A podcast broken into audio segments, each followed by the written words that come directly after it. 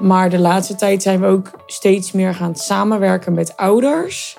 En dat heb ik toch wel uh, als een grote uitdaging gezien.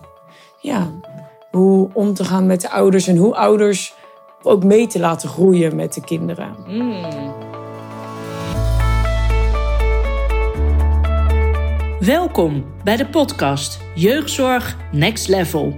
Deze nieuwe podcastserie, Zekerder met Ouders, heb ik voor jou opgenomen, zodat je met nog meer zelfvertrouwen de begeleidingstrajecten kunt uitvoeren. Samenwerken met ouders is enorm belangrijk en voor veel jeugdprofessionals een uitdaging. Met deze podcast ontvang jij tips, inzichten en ervaringsverhalen om je werk meer diepgang te geven. Veel luisterplezier!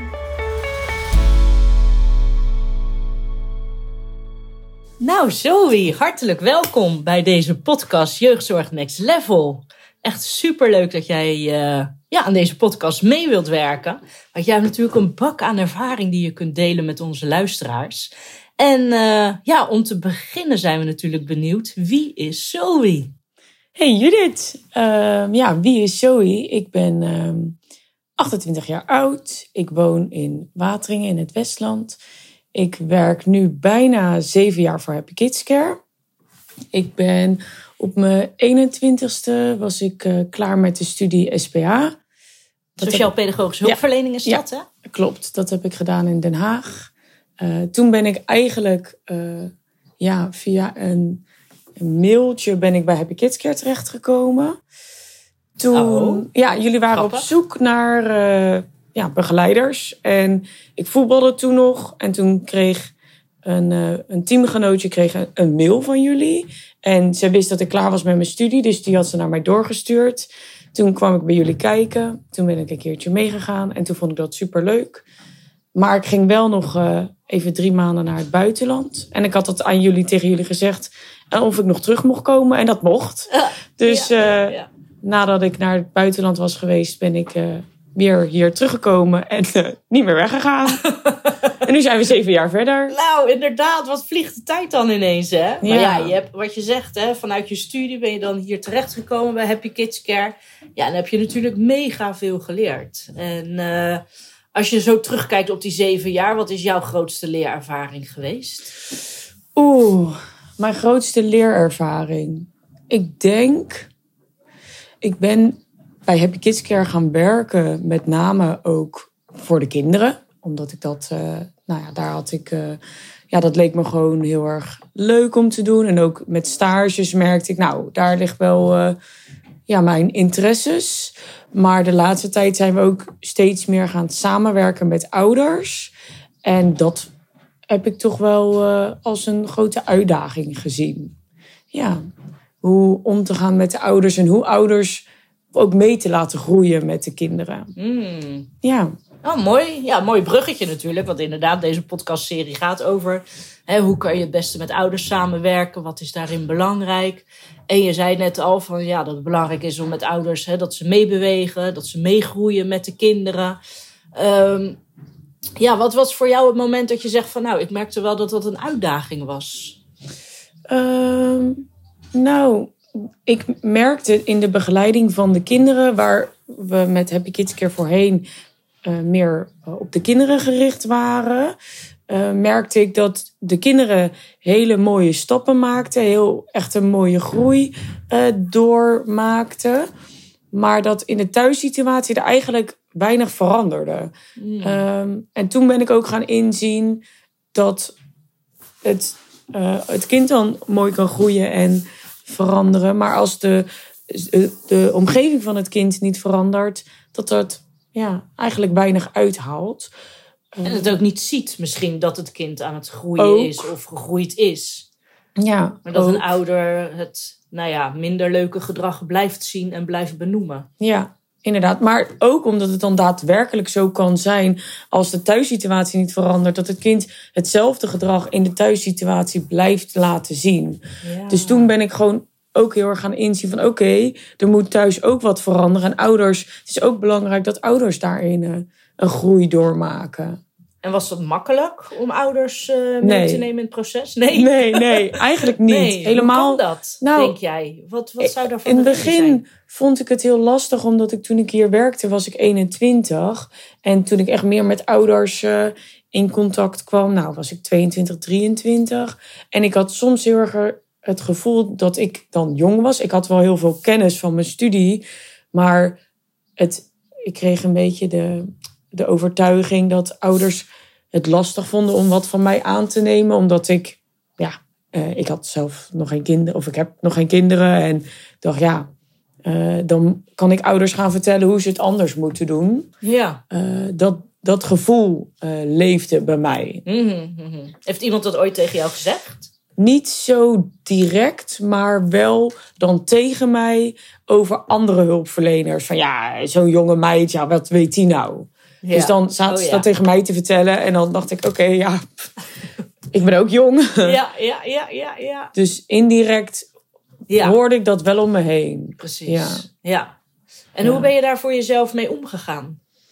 Nou, eigenlijk eh, het voor mezelf een, een plekje geven en te bedenken, ja, ik ben jong, maar ik weet wel eh, wat er nodig is. En eh, ik zie dat, dat wat ik doe, dat dat er eh, voor kan zorgen dat een kind mooie stappen maakt en kan groeien. Dus ik weet vrijwel zeker dat als ouders een soortgelijke verandering doormaken of ook doen wat ik doe, dat zij dan het in de thuissituatie ook eh, positiever kunnen maken. Of, Ja. ja. Dus eigenlijk wilde je heel graag je ouders wat tips en ideeën geven. Eh, in de manier van communiceren misschien wel. Ja. Of met, misschien met bepaalde middelen. Hoe ze dan de kinderen ook thuis kunnen stimuleren in de, in de verandering. ja, En dat kunnen blijven, eh ja, hoe zeg je dat? Dat dat beklijft ook Ja. bij ze. ja. Oké, oké. Dat is wel een mooi idee. Want ja, wat, wat levert het op als je met ouders goed gaat samenwerken? Nou, ik denk dat je dan uiteindelijk krijgt wat de ouders van tevoren willen. Zij willen hun toekomstbeeld is vaak dat ze meer rust hebben, meer plezier, eh, dat ze kunnen genieten van elkaar. Eh, en op het moment dat je samenwerkt met ouders, is dat ook daadwerkelijk wat je kan bereiken. Want wij kunnen de kinderen heel veel aanleren en dat is heel fijn voor de kinderen. Maar dan bereiken ouders het ligt niet alleen aan het kind. Of het is niet alleen het kind dat dingen kan leren. Het is ook hoe de ouders ermee omgaan. Eh, en op, op het moment dat je de samenwerking hebt, kan je dus daadwerkelijk bereiken wat ouders heel graag zouden willen, wat zij voor ogen zien. Ja, ja. Hey, en wat heb jij er dan aan gedaan? Want hey, je gaf aan van, nou, ik was jong, ik was 22, 23 toen ik net eh, eh, echt met ouders in contact kwam. Ik kwam erachter voor mezelf dat het belangrijk is om ouders te betrekken in het proces. Maar ik merkte ook dat ja, ik eigenlijk met mezelf een beetje eh, bepaalde overtuigingen had opgebouwd, waardoor het lastig was. Hoe ben jij daarmee aan de slag gegaan? Ik denk uiteindelijk toch ook voor mezelf wel de knop omgezet. En beseft, oké, ik weet dat ik het kan. En het is aan ouders of zij het ook willen aannemen. En ehm, ja, dat heeft uit, ja, door gewoon wat zelfverzekerder te zijn. En ook aan te sluiten bij de ouders. Want wat ik misschien eh, in het begin meer had, is dat ik gewoon heel erg op de tips ging zitten. Van nou, dit kan je doen, dat kan je doen.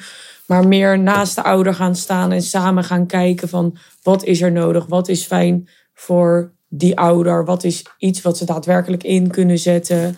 Dat heeft mij en uiteindelijk de ouders ook heel erg geholpen om het uiteindelijk ehm, ja, toch ook in te zetten wat ik eh, voor adviezen aan ze meegaf. Ja. Dus je hebt eigenlijk voor een hele andere insteek gekozen. Ja, En wat deze insteek, hè, door meer met de ouders na te denken over wat de mogelijkheden zijn. Wat, wat merk jij voor verschil? nou, dat ze het daadwerkelijk gaan doen.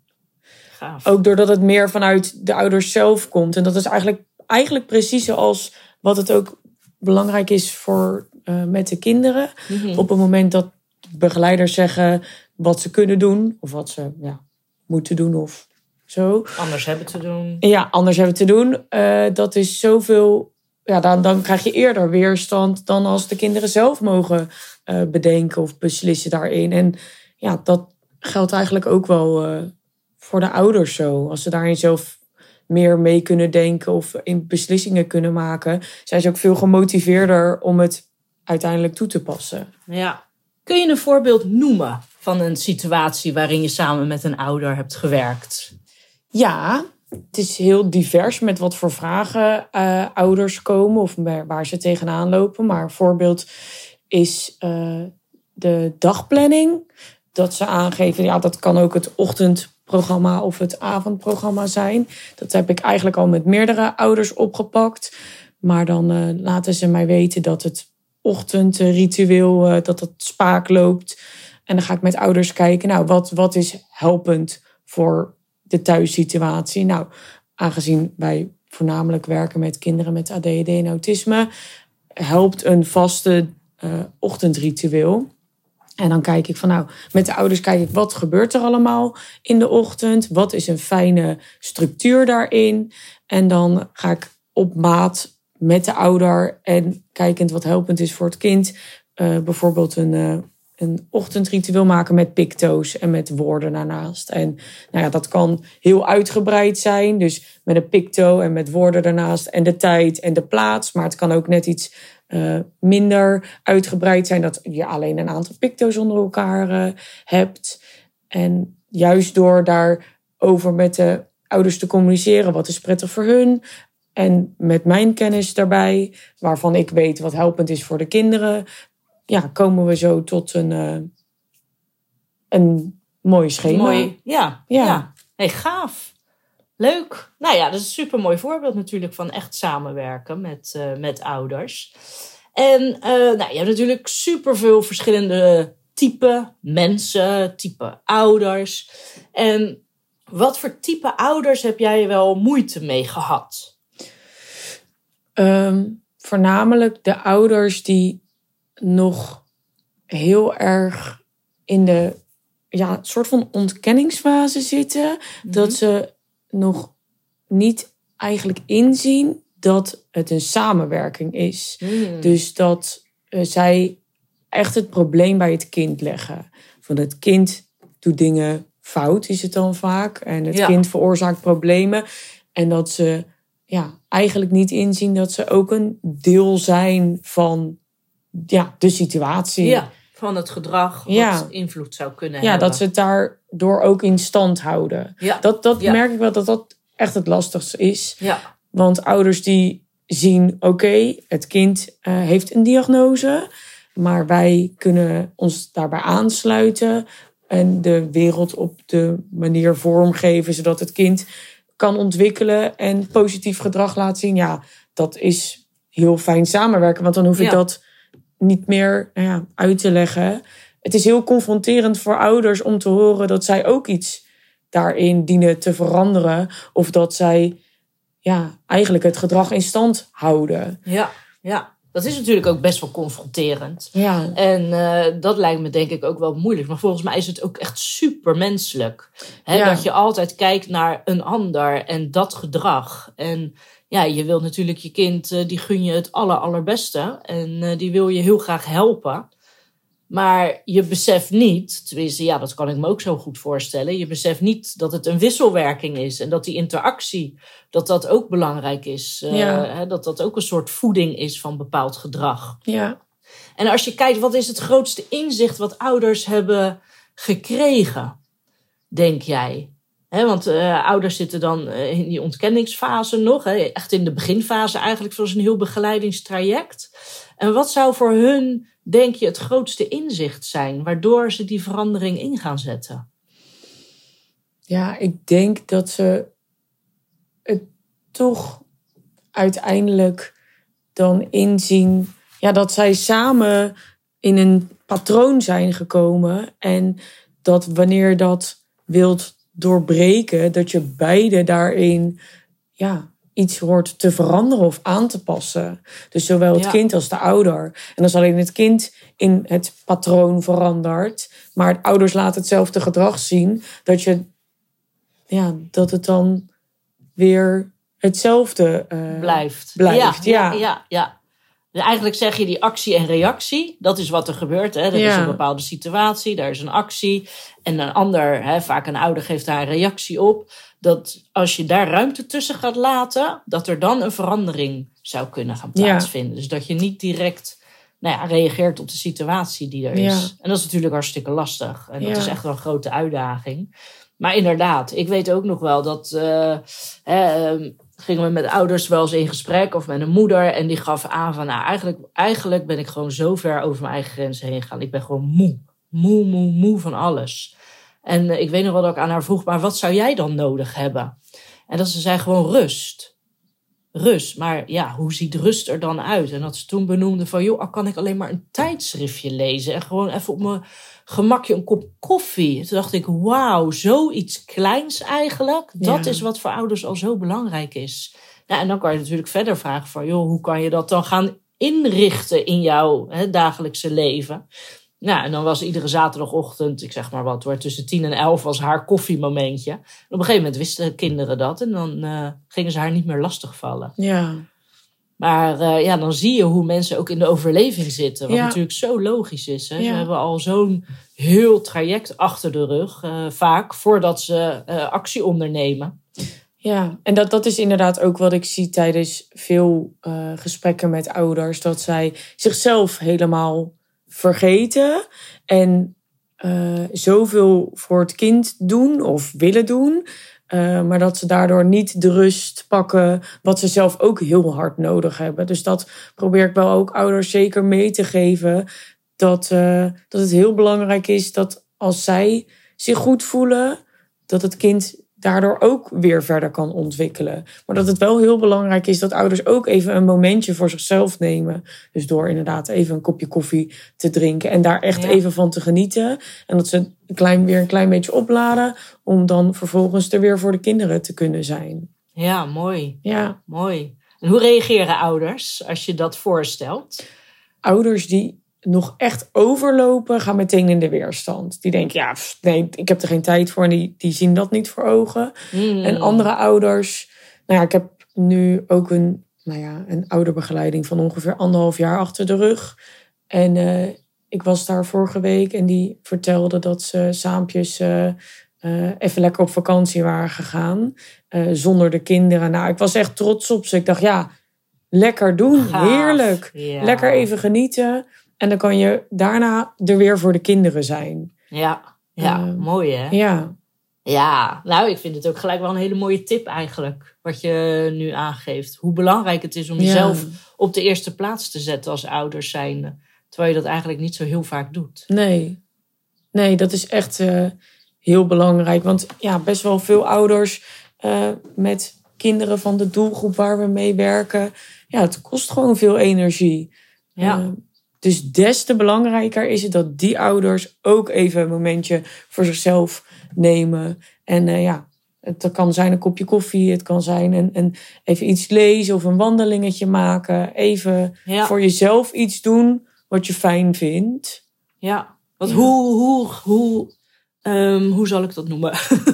hoe regel jij dat in je begeleiding? Hè? Want eh, de kinderen worden aangemeld ehm, voor, eh, voor een bepaalde begeleidingsvorm. Je gaat de kinderen ook begeleiden. Maar hoe betrek jij dan ouders daarbij? Heb jij dan aparte afspraken met ze? Of doe je bepaalde overdracht? Of hoe Ja. regel jij dat? Bij de ambulante begeleiding, dat is, dat is bij de mensen thuis of op school, dan heb ik ehm, oh ja, vaak voordat ik eh, bij het kind thuis ben, of daarna even een, een momentje dat ik ook met de ouders spreek, sowieso hoe het met het kind gaat. Maar ik vraag ook altijd naar hoe het met de ouder gaat.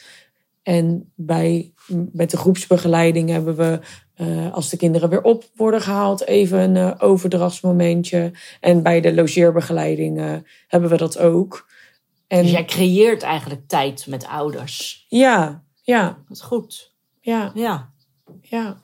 En eh, nou ja, daarnaast doe ik ook gewoon echt ouderbegeleiding. Dus dan kom ik puur voor de ouders. eh, Zijn ze er ook echt op voorbereid? ja, om en, daarmee eh, in gesprek te gaan. Ja. Staan ze er echt voor open zelf? Maar ik probeer wel ook altijd, ook met een logeerweekend, eh, dan even te vragen bij ouders van... en, gaan jullie nog wat eh, leuks doen dit weekend? Of eh, ja, even, even eruit of even ontspannen. En ja, soms nou, zeggen ouders van nee, ja, ik heb het zo druk. Probeer ik ze wel mee te geven. Maar ook juist nu, nu ja, je kind hier dan even komt uh, bij Happy Kids Care komt logeren, is het lekker om even te genieten van uh, ja, tijd voor jezelf. Ja. Dus dat probeer ik ouders wel ook altijd mee te geven. Leuk. Um, ja. Dus je maakt ze ook een beetje bewust van de situatie zoals het is. Want ja, Ja. vaak blijven ze in de overlevingsstand staan. Ja, Terwijl het toch even anders is als ze een weekend weg zijn, de kinderen. ja, inderdaad. Ja. en Oh, dat het dan mooi. juist belangrijk is dat die ouders daar even de tijd voor nemen. Ja, Ehm, omdat, je, omdat ik ook wel vaak hoor dat ze denken: ja, nee, ik moet nog van alles regelen en eh, bla bla bla. ja, Dus dat juist dat ik denk: nee, het kind is er nu niet. Er is vast wel even een momentje dat jij even voor jezelf eh, de tijd kan nemen. ja. Ja. Dat het ook weer even zoeken is. Ja, maar het Ja. is ook voor, die, voor de ouders even ja, Bewustwording. bewustwording. Even weer in het hier en nu komen. Ja, Ja. ja, ja. En ook even een patroon doorbreken in plaats van altijd doorgaan. eh, Gaaf. ja. Ah, mooi hoor zo. Je hebt al echt leuke, ook mooie tips eh, gegeven. Wat je eigenlijk zegt ook is eh, dat het belangrijk is om samen te werken met ouders. Hè? Dat je echt met hun samen gaat ontdekken wat werkt. Ja. En dat je niet gaat bepalen voor hun wat er Ja. zou moeten werken. Maar dat je echt samen dat in overleg doet. Eh, nou ja, ten goede van, eh, van het kind Zeker. natuurlijk. Ja, Nou, dat je ouders ook eh, complimenten geeft. zeker. Hè, over ja. wat, ze, wat ze allemaal tot nu toe bereikt hebben met hun kind. Maar ook dat ze zichzelf op de eerste plaats gaan leren zetten. Mhm. Hè, en dat ze ook voor zichzelf leuke dingen weer gaan, gaan doen. gaan doen. Ja. Ja. Nou, dat zijn misschien leuke ideeën ook voor de luisteraars om dat met hun ouders eh, te bespreken. Want ja, wat, wat jij ook aangeeft, hè, soms kan het best wel een drempel zijn om in contact te komen met ouders. Ja, wat ga je zeggen? Hoe ga je het aankleden? Hoe ga je een vertrouwensrelatie aangaan? Ja. Maar eigenlijk door deze drie ingrediënten, ingrediënten die jij geeft, hè, dus het complimenteren, eh, jezelf op de eerste plaats zetten en het Ja. meekijken naar de situatie om te zien van, nou, wat is een passende oplossing? Ja. ja. ga je een goede samenwerking aan? Ja, het is net zoals hoe ik naar de kinderen kijk. Zo probeer ik ook op een bepaalde manier naar de ouders te kijken. Dat wat ze tot nu toe hebben gedaan, is vanuit een goede intentie. Ze willen het beste voor het kind. En eh, andersom hebben de kinderen dat ook. Wat ze nu doen, is vanuit een, eh, een juiste intentie. Ja, En daardoor eh kijk je naar ouders, oké, soms gaat het niet vlekkeloos thuis. Maar er is altijd wel iets waarvan je denkt, nou, dat, dat, dat is in ieder geval, je hebt je best daarvoor gedaan. Het is misschien nog niet zoals dat je het uiteindelijk wil. ehm, maar daar, dat kan je dan samen gaan kijken van hoe gaan we er nu voor zorgen. Dus door, samen, door naast de ouder te staan, door samen te kijken, nou, waar wil je heen? Dan laat je hetgene wat is geweest achter je. En eh, ja, dat je samen gaat kijken hoe eh, gaan wij eh, het leven voor jullie zo vormgeven dat het voor iedereen prettiger wordt. gaaf. Ja. Ja, mooi hoor. Nou, interessant. Ja, ik heb eigenlijk geen, eh, geen vragen meer. Ik ben gewoon wel eh, benieuwd. Heb jij nog een, een mooie afsluiter voor, eh, voor de luisteraars? Is er nog iets wat je ja, ze mee wil geven?